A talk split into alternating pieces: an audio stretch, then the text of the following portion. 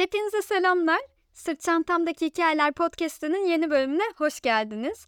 Uzun bir zaman oldu. Instagram'dan bildiğiniz üzere e, İran'daydım ve 5 hafta boyunca İran'ı kuzeyden güneye gezdim. Oradayken podcast yayını yapamadım. Aslında yapabilirim diye düşünüyordum ben.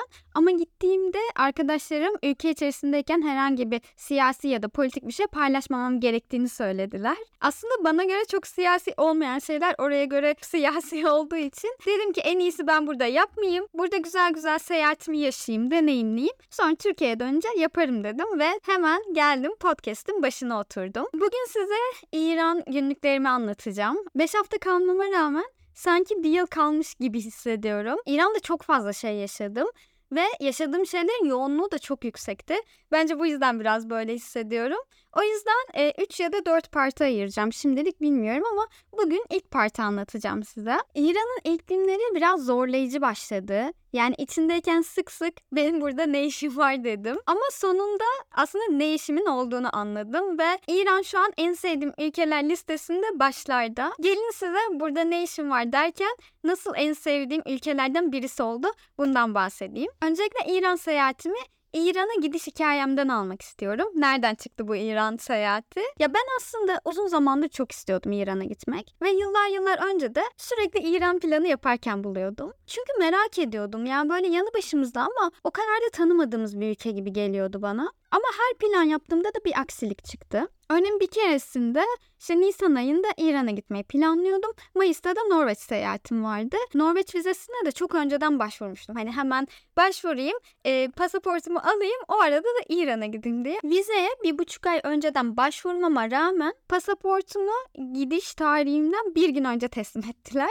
Ve pasaportum olmadığı için yani olup da konsoloslukta olduğu için İran'a gidememiştim. Yani İran'a gitmek isterken hep böyle çeşit çeşit aksilikler yaşadım. Ama şu an İran'da kalmış biri olarak diyorum ki iyi ki de o dönem gitmemişim. Çünkü şu anki Yağmur olarak gitmek çok daha güzel ve özeldi. Daha kendi geliştirmiş ve daha bilgili bir Yağmur olarak gitmek bence gerçekten daha güzel oldu. Bir de Gürcistan'dayken 3 kere couchsurfing yaptım ve bunların ikisi de İranlıydı. Orada böyle İran'dan konuşurken ya ben de çok gitmek istiyorum aslında ama bir türlü denk gelmedi falan derken dedim ki ben neden gitmiyorum ki yani gidebilirim şu an hani denk getirebilirim yani hani niye erteliyorum ve ben Gürcistan'da kafaya koydum İran'a gitmeyi. Gitmeden önceki tek korkum şuydu acaba protestolar yeniden canlanır mı? Biliyorsunuz geçen yıl Ekim ayında e, Mahsa Amini başörtüsü takmadığı için gözaltına alınmıştı ve polisler tarafından dövülerek öldürülmüştü. Bu olaydan sonra da İran'da büyük protestolar başladı ve aylarca sürdü. Ve devlet bu protestoları kontrol edemedikçe daha da vahşileşti ve çok fazla insan idam edildi. Ve İran'da konuştuğum insanların hepsi, arkadaşlarımın hepsi Ekim ayında bu protestoların yeniden olabileceğini düşünüyorlardı. Ben o yüzden biletimi Ekim ayın ortalarında almayı düşünüyordum. Hani biraz bir ilk haftalar beklerim. Neler oluyor İran'da? Hani olaylar ne durumda? Ona göre gidip gitmeme kararını alırım diyordum. Ekim ayının ilk günlerinde de bir şey olmadı. Ve ben biletimi aldım. Ve ben biletimi aldıktan iki gün sonra da savaş başladı. Ve savaşın ilk söylentileri siz de biliyorsunuzdur. İran'ın Hamas'ın arkasında olduğu ve İran'ın da savaşa katılacağı, İsrail'le savaşacağı yönünde söylentiler vardı. Ben bundan dolayı da iki hafta sonra İran'a gideceğim ve böyle hani ne yapacağımı bilmediğim bir noktadaydım seyahat öncesi. Biraz gergindi yani benim için. Sonra dedim ki yani bekleyeyim. Hani ben zaten biletimi aldım. Bu arada iptal edilemez bir bilet aldım. Dedim ki son güne kadar bekleyeyim. Hani bir şey olursa gitmem yani. Ama bir şey olmazsa da giderim. Bu arada İran'a gitmem konusunda işte ailem, arkadaşlarım da çok tedirgindi. Yani bu olayların çok dışında hani İran deyince hiçbir olaylar olmasa bile neden gidiyorsun oraya güvenli değil orası ne yapacaksın orada tek başına falan gibi tepkiler veriyordu. Ben de böyle güvenli değil diyen insanlara ha sen gittin mi hani ne gördün nesi güvenli değil hani beni bilgilendir falan diyordum. Ama bunları söyleyen insanların hiçbiri İran'a gitmemişti. Sadece işte medyadan duyduğu kadar biliyordu. Ya aslında ben de bu yüzden gitmek istiyordum zaten. Çünkü İran böyle yanı başımızda ama kapalı bir kutu gibi. Ya bir şeyleri medyadan biliyoruz ama içinde ne oluyor çok da bilmiyoruz. E, onun dışında tarih çok ilginç. Coğrafyası çok ilginç. E, yakın tarihi çok ilginç. Hani devrimden sonra, devrimden önceki hali. Yani kısacası beni oraya çeken çok şey vardı ve bunları kendim deneyimlemek istedim. Tüm bunlar hakkında kendi yorumum olsun istedim. İşte bu sebeplerden gitmek istedim. Gitmeden önce bir post paylaştım ve o postun altındaki yorumları okuyabilirsiniz. Ya aslında o postun altındaki yorumları okursanız e, benim e, İran'a gideceğim dediğimde aldığım genel tepkiler bunlardı. Hani ne işim var orada orası iyi bir ülke değil, güvenli bir ülke değil falan diye çok fazla yorum aldım ama İran çok farklı bir yer. İşte İran'ın insanları çok farklı, İran coğrafyası, tarihi çok farklı. Gidilmeye değer diyen de çok az insan vardı. Yani genelde de bu insanlar gitmiş insanlar oluyordu. Neyse ben bu arada gitmeden önce e, İran'da couchsurfing yapmak istedim. Couchsurfing'i artık biliyorsunuzdur ama yine bilmeyenler için bir cümleyle açıklayacağım. İnsanların gezginleri evinde ağırladığı ve gezginlerin de hani ücretsiz bir şekilde lokal insanlarda kaldığı, böylece kültür paylaşımı yapabildiği bir uygulama. Ben yıllardır bunu kullanıyorum zaten ama İran'da özellikle bunu kullanmak istemiştim. Çünkü İran'da görmek istediğim şey hani o halk nasıl yaşıyor? İranlılar nasıl yaşıyor? Tamam dışarıda kurallara uyuyorlar ama evin içinde hayatları nasıl? En çok gözlemlemek istediğim şey buydu. O yüzden ben bütün seyahatim boyunca couchsurfing yaptım ve bunları hep önceden ayarlamıştım. Ben Tahran için iki kişiyle konuştum. Kalacağım kişiler Meysam ve ailesiydi. Bir de Şahap'la konuşmuştum. E, Şahap'ta da böyle son iki gün falan kalmayı planlıyordum. Ben havaalanındayken Şahap yazdı. Hani nasılsın, uçağın kaçta, nasıl geleceksin diye. Ben de işte uçağım şu saatte hani orada metro varmış onu kullanacağım büyük ihtimalle dedim. Havaalanı çok uzak 50-60 kilometre uzakta. Metro da böyle çok sık çalışmıyor. Hani gelmem biraz zor olacak. Seni almamı ister misin dedi. Ben de böyle biraz çekinerek ya aslında seni rahatsız etmek istemiyorum ama hani gelirsen hayır demem dedim. Tamam dedi ben havaalanında olacağım. Dedim ki yani benim internetim yok birbirimizi nasıl bulacağız? Ben dedi seni bulurum. Sen büyük ihtimalle şu terminalden ineceksin. Ben de onun kapısında bekleyeceğim. Tamam dedim ben de. Böyle biraz daha rahatlamıştım. Çünkü indikten sonra o stresi yaşamak biraz kötü yani. Zaten para birimini bilmiyorsun. Para değiştireceksin. Metroyu bulacaksın. Metro durakları biraz karışık. Zaten 2-3 tane metro hattı var. Şahap beni bu stresten kurtardı. Sonra ben de işte uçağıma gittim. Uçak yolculuğum çok keyifliydi. Uçakta Yola Devam diye bir film izledim. İran filmi. Panah Panay'ın filmi. Cafer Panay'ın oğlu. Ya bu arada mesela o filmi izlerken de şunu hatırladım. Benim ilk sinema tutkum İran filmleriyle başladı. Ya ben aslında sinemanın nasıl bir şey olduğunu da galiba İran filmlerinden öğrendim. Bir gün üniversitede hocam bana bir film önerdi e, Eli hakkında. O da Asgar Farhadi'nin. Ve ben o filmi izleyince evet dedim ya demek ki sinema böyle bir şeymiş. Mesela orada çok spoiler vermeden kısacık bahsedeceğim. Bir kaos ortamı var ve o kaosu işte dalga sesleriyle, havanın karamsarlığıyla anlatıyor. Ve sonrasında da İran filmlerine olan merakım çok artmıştı. Ee, öyle öyle ben işte Avrupa sineması izlemeye başladım. Bağımsız filmler izlemeye başladım falan. O yüzden İran sinemasının yeri de bende ayrıdır. Neyse işte yolda o filmi izledim. Bu arada e, izlemenizi tavsiye ediyorum. Mubi'de var. Hava da çok güzeldi böyle güneşliydi. Güzel bir e, yolculuk yaptım ve böyle yeni ülkenin heyecanını hissettim içimde. Yolculuğum kısa sürdü. 3,5 saat civarındaydı. İndiğimde hava kararmıştı. İran'a inince normalde şeriat gereği e, başınızı kapatmanız gerekiyor. Böyle tam kapalı değil. Saçınızın önleri biraz dışarıda olabilir ama genel olarak saçınızın tepesi kapalı olması gerekiyor ve e, kıyafetleriniz de uzun olması gerekiyor. E, uçaktan inerken yarım yamalak şalımla saçımı kapattım ve böyle heyecanlı heyecanlı yürüyorum pasaport kontrol noktasına doğru. Pasaporttan geçtim. Pasaport memuru çok tatlıydı. Normalde böyle pasaport polisleri hep çatık kaşlı, asık suratlı olur. Böyle kadın çok tatlı bir kadındı. Gülümsedi. Ülkemize hoş geldiniz falan dedi. Sonra internete bağlanmaya çalıştım. Şahaba yazmaya çalışıyorum. Aynı zamanda anneme falan haber vereceğim. İnternete bağlanıyorum. Ama giremiyorum hani WhatsApp e, çalışmıyor. Ben de o anki telaşla herhalde dedim çekmiyor hani bağlanmıyor çünkü. Neyse sonra çantamı aldım hemen orada Şahab'ı gördüm ve hemen el salladım. O da bana böyle gülümseyip el salladı. Şahap 50 yaşlarında radyoloji uzmanlığı yapmış yıllarca ve emekli olmuş bir adam. Yanında da Sara diye bir arkadaşı vardı. Mesela ben onu çok sonradan e, anladım. Yani arabaya binince anladım. İlk defa tanışıyoruz ya. Büyük ihtimalle kendimi kötü hissetmeyeyim diye bir tane kadın arkadaşıyla birlikte gelmiş beni almaya. Böyle İran'daki insanların bu tarz çok ince düşünceleri var. Neyse e, biz işte aşağıya otoparka indik, arabaya bindik ve yola koyulduk. Orada da şeyi fark ettim. Normalde Sara başörtüsü takmıyordu. Ben de hani protestolardan sonra İran ne kadar değiştiği gözlemlemek de çok istiyordum. Çünkü eskiden biliyorsunuz bu başörtü konusu çok sıkıydı. Ama protestolardan sonra İran'ın çok değiştiğini duymuştum. Ee, bunu ilk gözlemlediğim yer mesela Sara e, havaalanında takmıyordu. Arabaya binince hemen başörtüsünü taktı. Ben de hani şaşırdım şey dedim ya havaalanında polisler var orada takmıyordu. Hani şimdi niye takıyor diye geçirdim. Sonra o da benim galiba hani yüzümden anladı o şaşkınlığımı. Dedi ki geçen hafta araba kullanırken başörtüsü takmadığım için iki kere uyarı mesajı aldım. Bir daha alırsam arabamı çekecekler falan dedi. Ben kendini nasıl arabanın içinde görebiliyorlar ki dedim. İşte bu ışıklara, trafik lambalarına kameralar koymuşlar ve özellikle bunu e, insanlar araba kullanırken başörtüsü takıyor mu takmıyor mu diye koymuşlar ve fotoğrafını çekiyorlarmış ve direkt plakadan tespit edip mesaj gönderiyorlarmış. Benim başörtüsüyle ilgili öğrendiğim ilk şey buydu ve bu bana biraz korkunç geldi. Neyse ben de e, başörtümü taktım çünkü benim yüzümden ceza almalarını istemediğim için. İşte biz böyle biraz sohbet etmeye başladık. İran hakkında, Türkiye hakkında. Şahap zaten Türkiye'ye çok fazla gelmiş. Türkleri çok seviyor. Türkiye'yi de çok iyi biliyor.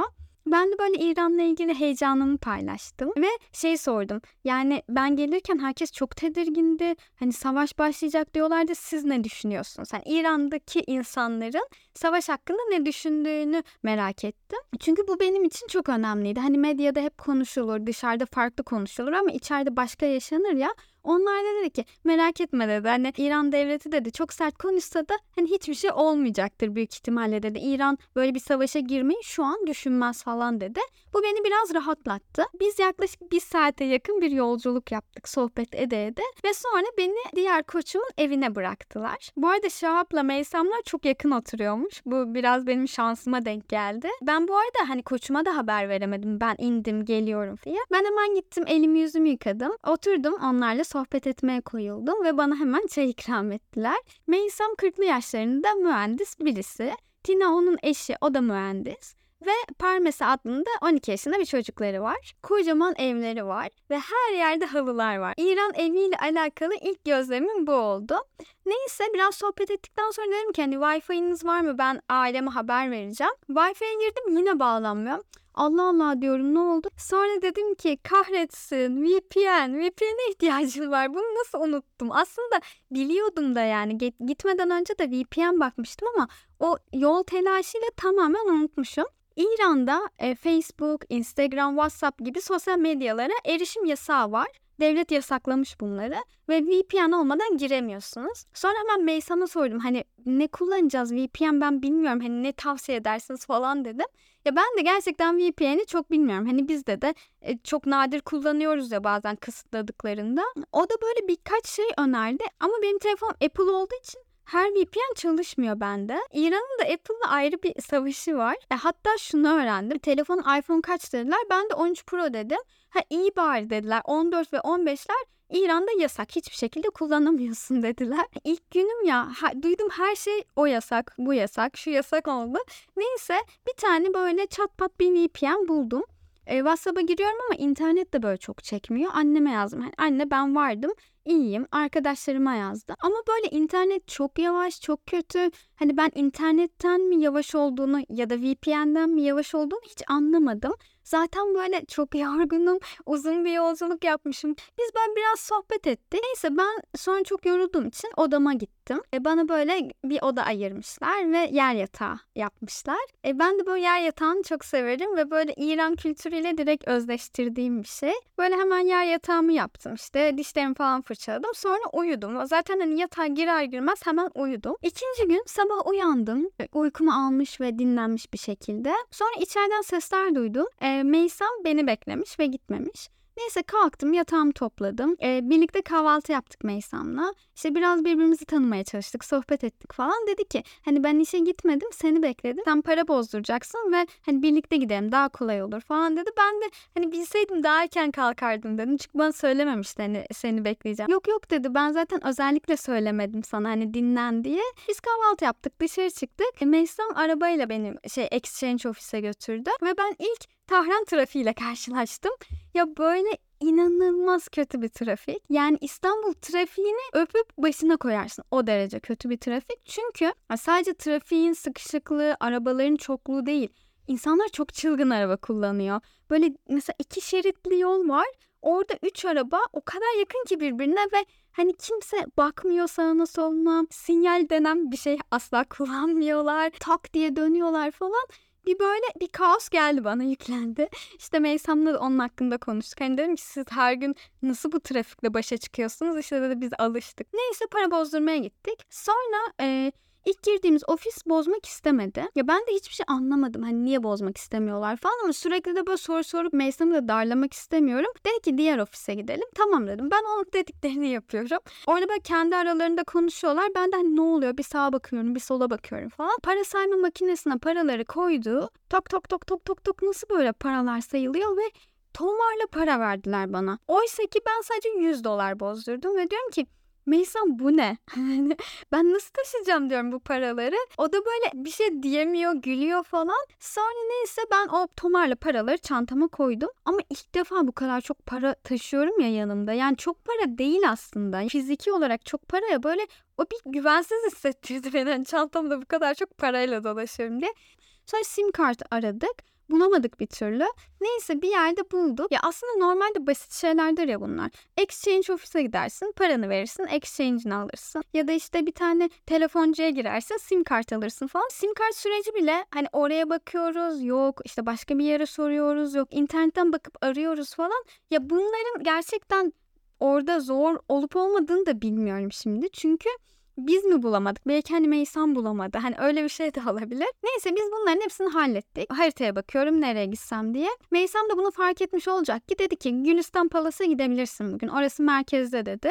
Ben seni de taksiye bırakacağım dedi. İran'da da e, paylaşımlı taksiler var bir taksiye dört kişi biniyorsunuz ve dolmuş gibi. Beni onlara bıraktı ama ben şimdi parayı hiç anlamadım. Hani kur ne onu bile bilmiyorum. Diyorum ki hani kaç para vereceğim Meysam. Meysam böyle çıkarttı bana işte dedi ki bunu, bunu vereceksin sen dedi. Tamam dedim ben de. Bindim taksiye gidiyoruz. Cafer Panayi'nin bir tane filmi var Taksi Tahran. Gerçekten o filmin bir sahnesinin içindeymişim gibi hissettim. Sonra beni bir yerde indirdi taksi. Dedi ki şuradan yürüyeceksin. Yani el işaretleriyle konuşuyor bu arada. Hiç kimse İngilizce bilmiyor. E, bir tane teyze gördü anladı benim böyle hani bilmediğimi yabancı olduğumu. Dedi ki ben de oraya gidiyorum gel falan yaptı böyle eliyle. Biz böyle teyzeyle yürüyoruz ama hiç konuşamıyoruz. Çünkü hiç İngilizce bilmiyor. Ben sadece şey diyorum Türkiye, Turkey falan diyorum. Öyle hani Türk olduğumu anlatabildim. Sonra e, ben gittim işte Gülistan Palas'ın oraya. Dedim ki müzeye girmeden önce şöyle bir kahve için, bir çay için, bir şeyler yiyeyim dedim. Ve etrafı gezmeye başladım. Ama nasıl bir kaos. Zaten yani Tahran'ın en kaos e, caddelerinden birisiymiş. Böyle bizim Eminönü gibi tamam mı? İşte orada Grand Pazar var. Orayı falan geziyorum. Her şey Farsça ama sayılar da Farsça ve fiyatlar da Farsça yazıyor. Hiçbir şey anlamıyorum ben. bir yere oturacağım, oturacak bir yer bulamadım. Hava böyle çok sıcak. Ben gittiğimde de Ekim ayının ortalarıydı ve İran yani inanılmaz sıcaktı. Ben bir yandan böyle şalımı takıyorum. O şal da böyle terleten bir kumaştanmış. Ben hiç tabii böyle şeyler düşünmedim. O böyle inanılmaz bunaltıyor beni. Zaten uzun kollu giydiğim için de çok bunaldım. Sağıma bakıyorum, soluma bakıyorum. Hiçbir şey anlamıyorum. Çantamda tomarla para var ama bilmiyorum yani hani paranın değerini bilmiyorum. Böyle bir kötü hissettim. Sonra ki tamam Yağmur bir dur bir sakin ol şu banka bir otur. Orada bir banka oturdum. İnternetten biraz böyle Google'a falan baktım kur oranlarına. Sonra Google'daki kur oranıyla benim bozdurduğum kur oranı farklı. Yani Google'dan hesapladığımda 100 dolar bambaşka bir fiyat çıkıyor. Her şey böyle iyice karman çorman oldu ve bu bende iyice kaygı yarattı. Dedim ki yani benim burada ne işim var Allah aşkına şu banka oturmuşum ve benim burada ne işim var ve bu kaygı mideme vurdu ve ben böyle çok iyi hissetmedim. E, tamam Yağmur bir sakinleş bir sakin ol. Hani istersen eve git şu an çünkü dışarıda olmak sana iyi gelmiyor. Kaygını daha da arttırıyor. Sonra bir tane uygulama vardı. Bana onu söylemişlerdi. Snap diye. Bu arada İran'a giderseniz kesinlikle bu uygulamayı kullanın. Bu taksi uygulaması.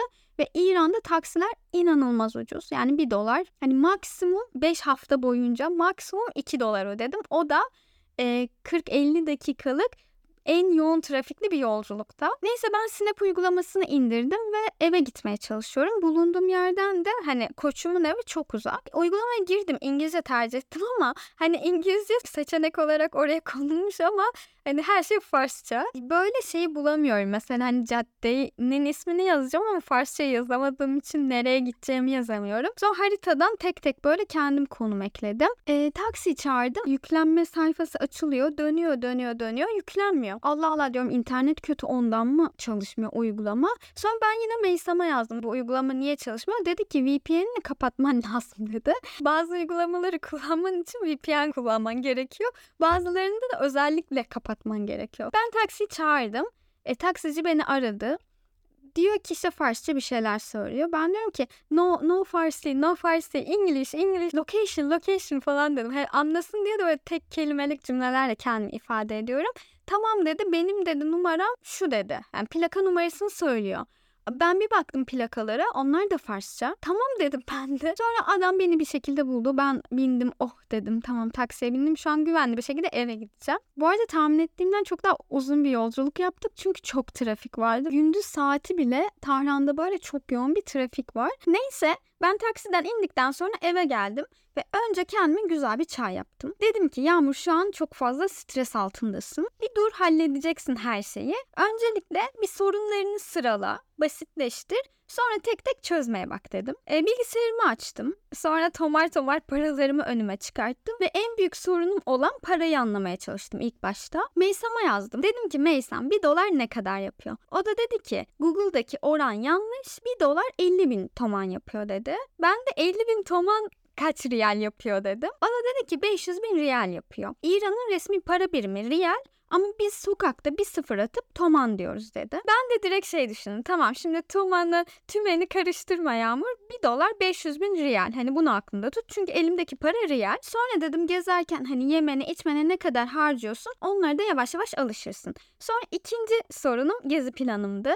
E ben normalde 4-5 gün kalmayı planlıyordum Tahran'da. Ama ilk gün böyle gezemeyince işte parayı anlamayınca stres yapınca bu süre bana çok yetersiz geldi. Yani Tahran'ı gezemeyeceğim gibi hissettim. Sonra dedim ki bir dakika ya Yağmur bir sakin ol. Senin dönüş biletin bile yok ve çok esneksin. Hani 4-5 gün kalmazsın da bir iki hafta kalırsın. Ne kadar yeterse o kadar kalırsın. Sonra hemen seyahat planımı değiştirdim. Zaten Şahap demişti ben müsaitim. Hani ben de istediğin kadar kalabilirsin demişti. Onu 3-4 gün uzattım. Diğer seyahat seyahat planlarımı değiştirdim. Buna da bir tik attım. E, üçüncü sıkıntım internetti. Couchsurfing'de daha önce iletişim kurdum. Bir arkadaşıma yazdım. Dedim ki ben VPN'i anlamadım. Hani sen hangi VPN kullanıyorsun? O da bana bir tane VPN tavsiye etti. Birkaç kurulumu varmış. Onu gösterdi biraz daha iyi çalışır oldu internetim. Hani Türkiye'deki gibi çalışır olmadı ama ilk zamanki gibi de kötü değildi. Buna da tik attım ve biraz rahatlattı bunlar beni. Ya aslında güzel bir stres yönetimi yaptım orada. Sorunlarımı tek tek yazdım ve basitleştirdim. Sonra bir de şöyle bir şey oldu. Ben 2021 yılında İran'a gitmek istemiştim yine. Ama pandeminin etkileri hala devam ediyordu. İran'daki durumu öğrenmek için Couchsurfing'den birilerine yazayım dedim ve Muhammed'i buldum orada. Ee, orada işte kendimi tanıttım. İran'a gelmek istediğimden bahsettim. O da İran'daki durumdan bahsetmişti ve gidememiştim. Sonra aklıma birden Muhammed geldi. E, numarasını vermişti zaten bana. Hemen WhatsApp'tan mesaj attım. Dedim ki Muhammed ben Yağmur beni hatırladın mı? Yıllar önce geleceğim demiştim ve şu an Tahran'dayım. O da çok mutlu oldu. Nasılsın dedi işte nasıl gidiyor seyahatin. Dedim valla bugün ilk günüm. Ama bana biraz karışık geldi. İşte parayı daha yeni anlayabildim. Ondan sonra işte VPN internet olayını yeni yeni çözüyorum falan dedim. O da dedi ki He, haklısın İran'a gelen tüm gezginler bu sorunları yaşıyor dedi. Ben de Muhammed'e dedim ki ya yapabilecek miyim emin değilim. Çünkü hani bunların hepsi bende kaygı yarattı dedim. O da yani Yağmur saçmalama daha ilk günündesin. İran'a gelen her gezgin bunu yaşıyor ama bir şekilde alışıyor ve aşıyor. Ayrıca dedi hani sen tecrübeli bir gezginsin. Yıllardır geziyorsun. Birçok ülkede bulundun ve bütün challenge'ları tek tek aştın. Bunu da çok rahatlıkla aşacaksın dedi. Orada böyle bir şimşek etkisi yarattı bende ve dedim ki evet ya ben 7 yıldır geziyorum ve dünyanın birçok yerinde birçok sorun yaşadım ve hepsini de tek tek aştım. Ya o an içinde o soruna o kadar odaklanmışım ki geçmişimde yaşadığım tüm tecrübeleri silmişim aslında. Muhammed'in o sözü böyle beni bir diriltti ve kaygılarımın yersiz olduğunu farkına vardım. Bir de Muhammed şunu söyledi bana. Yağmur dedi İran'a alışana kadar Couchsurfing Hangout açabilirsin dedi. Couchsurfing'deki Hangout da şöyle bir şey. İşte orada bir etkinlik açıyorsunuz ve insanlar size rehberlik yapıyor. İşte yemek yemeye götürüyor, restorana götürüyor, şehri gezdiriyor. Dedi ki İran'daki insanlar gezdirmeyi çok sever zaten. O yüzden Hangout'tan bir sürü insan bulacağına eminim dedi. Bu arada Muhammed ben yazdığımda Tahran'da değildi. Yoksa ben gezdirirdim falan dedi. Ben Muhammed'in tavsiyesine uydum ve Hangout açtım. Sonra cevap yazdı bana. Meysamlara çok yakın oturduğu için dedi ki hadi gel bir parka gidelim, yemek yiyelim, biraz gezinelim dedi. Ben de bilgisayar başında çok fazla sorun ve strese boğulmuşken dedim ki bir havam değişsin. Tamam dedim hazırlanıp çıktım. Bizim kaldığımız bölge Tahran Üniversitesi'ne çok yakındı. Ve dedi ki burada bir tane lale parkı var dedi. O gün de çarşambaydı. İran'da da resmi tatil perşembe ve cuma günleri. Ve o gün çarşamba akşamıydı ya böyle cuma gecesi gibiydi böyle park. İlk başta parka gitmeden önce bir şeyler yiyelim dedi ve ilk aş çorbamı orada içtim. Aş çorbası böyle nohutlu, mercimekli, işte bazen erişte de koyuyorlar. Bol baklagilli bir çorba. E, bizde ayran aşı çorbası var. Belki biliyorsunuzdur. Benim anne tarafım karşıda o yüzden çok yaparlar. Ben de çok severim ayran aşı çorbasını. Ona çok benziyor. Tabii ki de onun farklı bir versiyonu ama ona çok benziyor. Çok sevdim aş çorbasını.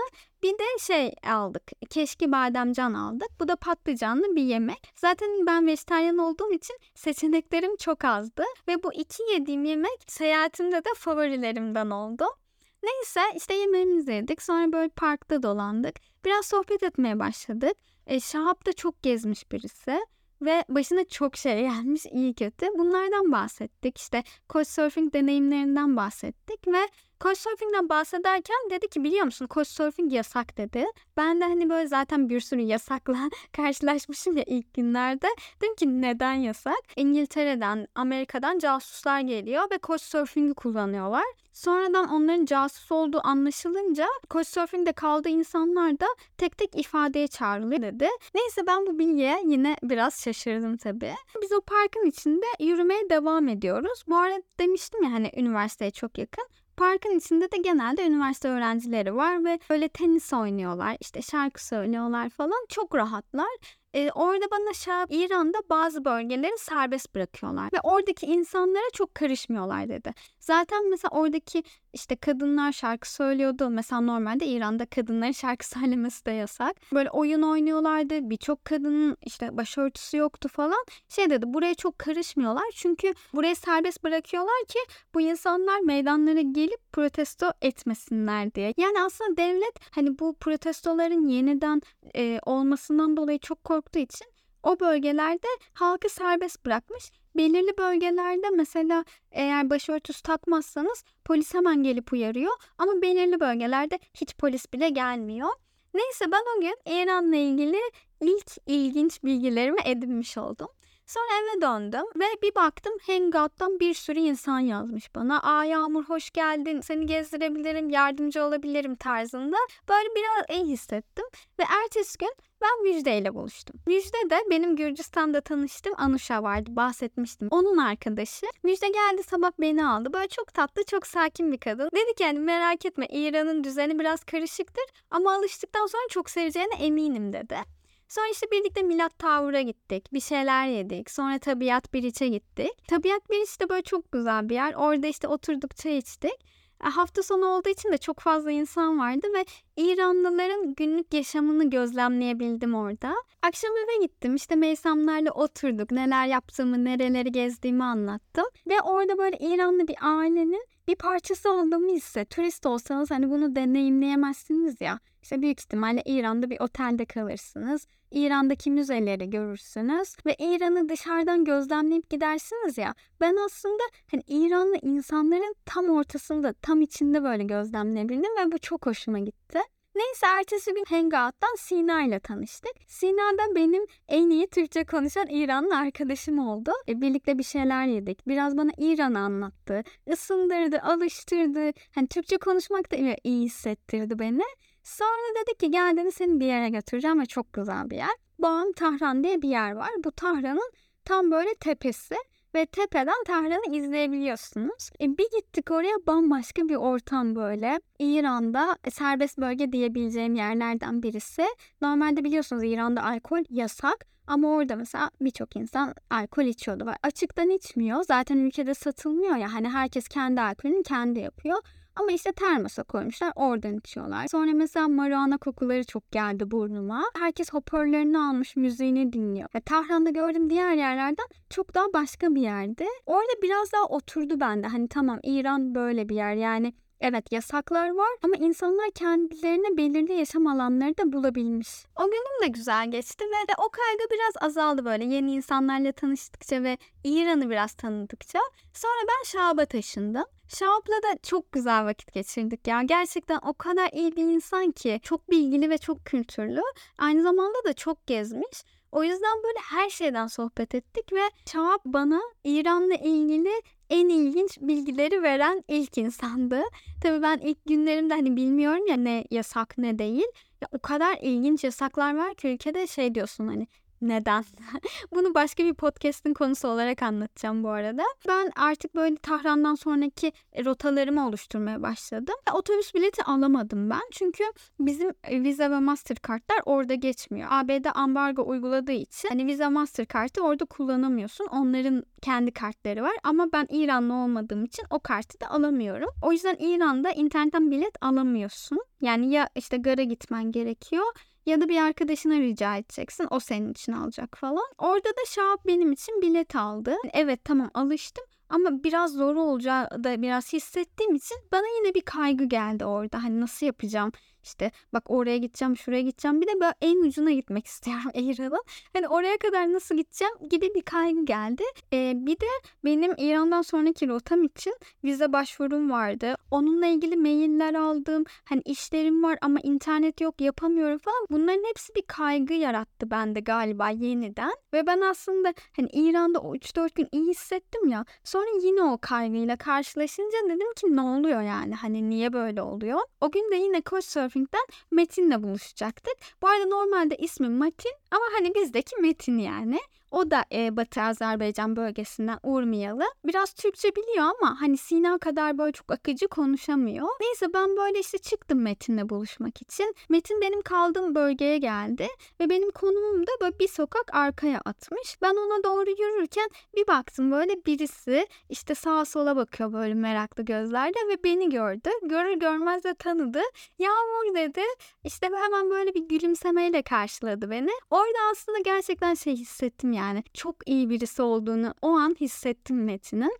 İşte nasılsın, nasıl gidiyor, kaçıncı günü falan derken dedim ya iyi gidiyordu ama bugün yine böyle bir kaygı hissettim. İşte ilk günlerim biraz zordu falan dedim. O da dedi ki hani gayet normal böyle hissetmen. Çünkü gerçekten hani ben İranlı olarak söylüyorum bunu. İran'a alışmak biraz zaman alabilir dedi. Metin'le olan sohbetimiz, o güzel enerjisi o gün beni gerçekten çok sakinleştirdi.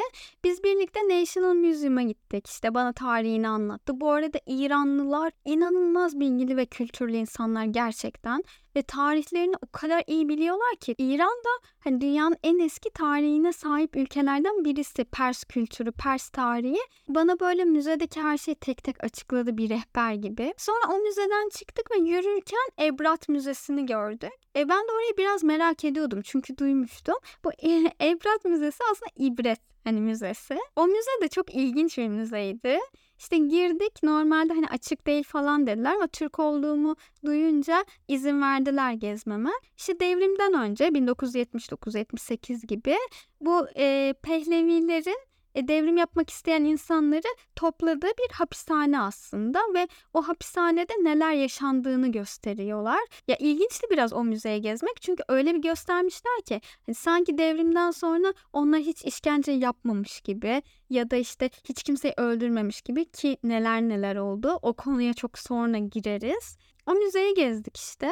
City Theater var. Oraya gittik. Orada biraz oturduk. Orası da mesela İran'da daha özgür bölgelerden birisiydi. Ya mesela böyle bölgelerde kadınları daha rahat görebiliyorsunuz. Yani başörtüsü takmıyor, daha rahat giyinebiliyor falan. Ve güzel değişik bir ortamdı. Daha böyle entelektüel bir ortamdı. Orada biraz böyle Metin'le sohbet etmeye başladık. Böyle Metin'le hayata dair sohbet ettik. O da e, çok yakın bir zamanda babasını kaybetmiş ve şey diyor Yani Yağmur biz çok birbirimize bağlı bir aileydik ve babası kalp krizinden ölmüş. Hiç beklenmeyen bir ölüm olduğu için yani bu ölüm çok travmatik olmuş onlar için. Öyle olunca Metin bütün işlerini bırakıp annesinin yanına dönmüş. Annesini yalnız bırakmak istememiş. Bir de kardeşi var, kız kardeşi. Ama böyle orada hem babasının kaybından dolayı hem böyle işlerini yapamadığından dolayı derin bir depresyona girmiş. Sonra bir gün annesi demiş ki Hani Metin ne yapıyorsun burada? Hani benim yanıma geldin, bana destek olmak istiyorsun ama böyle her gün kendini burada tüketiyorsun ve bunu görmek beni çok üzüyor demiş. Git demiş kendi hayatını kur. Hani sen kendi hayatını kurarsan ben de daha iyi hissedeceğim diye.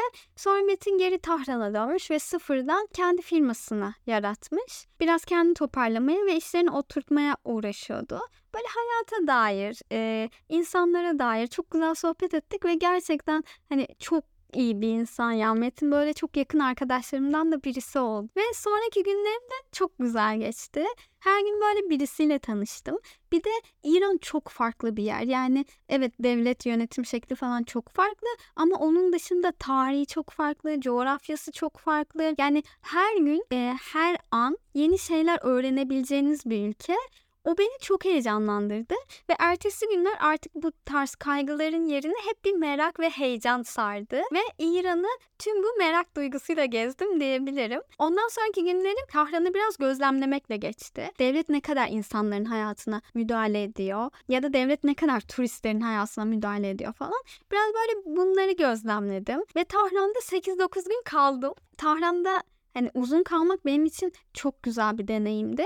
Çünkü Tahran İran hayatını gözlemleyebileceğiniz en güzel yerlerden. Yani bir kere büyük şehir ve başkent ve hani her şey Tahran'da oluyor gibi bir şey. Küçük şehirlerin de çok farklı özellikleri var ama gerçekten hani Tahran'da e, kalabildiğiniz kadar uzun kalırsanız İran hayatını çok daha iyi gözlemleyebilirsiniz bence. İran'ın ilk günleri bu şekilde geçti. Şimdi düşünüyorum hani neden bu kadar stresli geçti diye.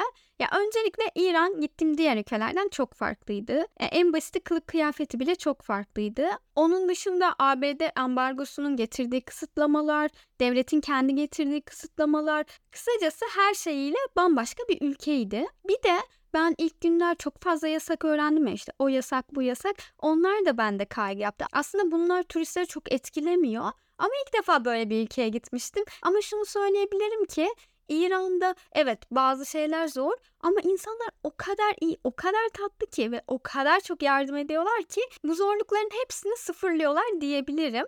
O yüzden böyle yaşadığım şeyler sizin gözünüzü korkutsun istemem. Ben zaten yaşadığım deneyimlerin çözümlerini buldum ve Instagram'da paylaştım ve paylaşmaya da devam ediyorum. İran kesinlikle görülmeyi hak eden bir ülke. E, gitmenizi de çok isterim. Zaten bu yayınlarda gitmek isteyenler için her detayı paylaşacağım. Neyse devam edelim. Sonra benim ikinci rotam Kaşan'dı. Kaşan da böyle Tahran'a 3 saat uzaklıkta bir yer ve e, tarihi evleri olan küçük bir yer aslında. Ama benim çok ilgimi çekmişti. Normalde benim ilk gitmeden önce rotamda Kaşan yoktu. İran'a gidince insanlar söyledi hani Kaşan'a kesin uğramalısın bence diye. Ve ben İran'a gittikten sonra Kaşan'ı rotama ekledim. Ben Kaşan'a gitmek için Tahran terminaline gideceğim. Tahran terminali de böyle e, Tahran'ın en karışık yerlerinden birisi. Bizim Esenler Otogarı var ya ama daha böyle eski halleri. Onun gibi bir yer. Bu arada taksi yolculuğum da çok güzeldi. Taksici böyle yabancı olduğumu anlayınca hemen nerelisin falan dedi. Çok çok mutlu oldu mesela. Yani yabancı biri onun ülkesine gittiği için çok mutlu oldu. Ee, böyle sorular sormaya başladı ama İngilizce konuşamıyor. Translate'den bir şeyler soruyor bana. Sonra birisini aradı. Sonra Translate'e şey yazdı. Hani eşimi aradım ve İranlı olmayan bir müşterimin olduğunu söyledim. Seni eve davet etti, yemeğe davet etti falan dedi. Ben böyle teşekkür ediyorum ama orada çok şaşırmıştım. Daha sonralardan bunu çok gördüm ama bu ilkti. Ya bunu başka bir yerde birisi yapsa şüphelenirsin mesela ama İran'daki insanların hepsi böyle. Yani o kadar iyiler ki ve kültürleri o kadar bambaşka ki sadece iyi oldukları için bunu yapıyorlar yani hani bir çıkarı yok. Bu arada Tahran'ın ilk günlerinde e, taarruf kavramıyla karşılaştım. Şimdi İran'da şöyle bir şey var. E, siz yabancı olduğunuz için sizden para almak istemiyorlar. Çünkü sen misafirsin ve hani misafir para harcamamalı gibi düşünüyorlar. Yani taksiciler bile para almak istemiyor. Düşünsenize yemek alıyorsunuz. insanlar restoranda para almak istemiyor falan. Bana çok ilginç gelmişti. Benim de böyle biraz garibime gitmişti ama ben her defasında hani neyse ne içtiysem ne yediysem ya da ne kullandıysam hep parasını ödedim. Bu arada ilk başta almak istemiyorlar ama siz ısrar ederseniz o parayı alıyorlar. O niyetleri benim için çok önemliydi ve gerçekten o kadar içtenler ki yani böyle öylesine yapmıyorlar aslında taarrufu. Yani hadi ilk başta istemiyorlar. Mesela siz orada parayı vermeseniz, teşekkür etseniz de üzülmezler yani. Hani bunu böyle fake atmak için yapmıyorlar. İran gerçekten insan olmak adına herkesin çok şey öğrenebileceği bir yer bence. Neyse ben terminale gittim. Terminal bu arada çok karışık. Yani gerçekten Esenler Otogarı gibi bir yer. Ee, orada böyle otobüsü bekliyorum. Ama yani her şey Farsça ya.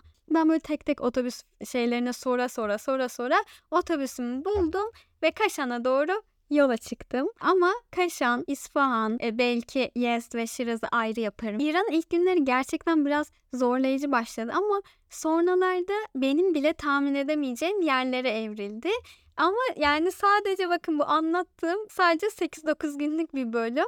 Bakalım İran kaç bölüm olacak ya böyle böyle. Ama yani mesela Kaşan, İsmahan, Şiraz, Yezd bambaşka anılar, bambaşka hikayelerle dolu. Sonra mesela İran'ın en güneyine gittim. Keşm Island, Hürmüz Island. Oralar bambaşka hikayelerle dolu. 3-4 bölüm yapacağız galiba podcast'i. Her neyse bu bölümle ilgili yorumlarınızı bekliyorum. Instagram'dan bana yazabilirsiniz. İran günlüklerinin ikinci bölümünde görüşmek üzere diyelim. Kendinize çok iyi bakın.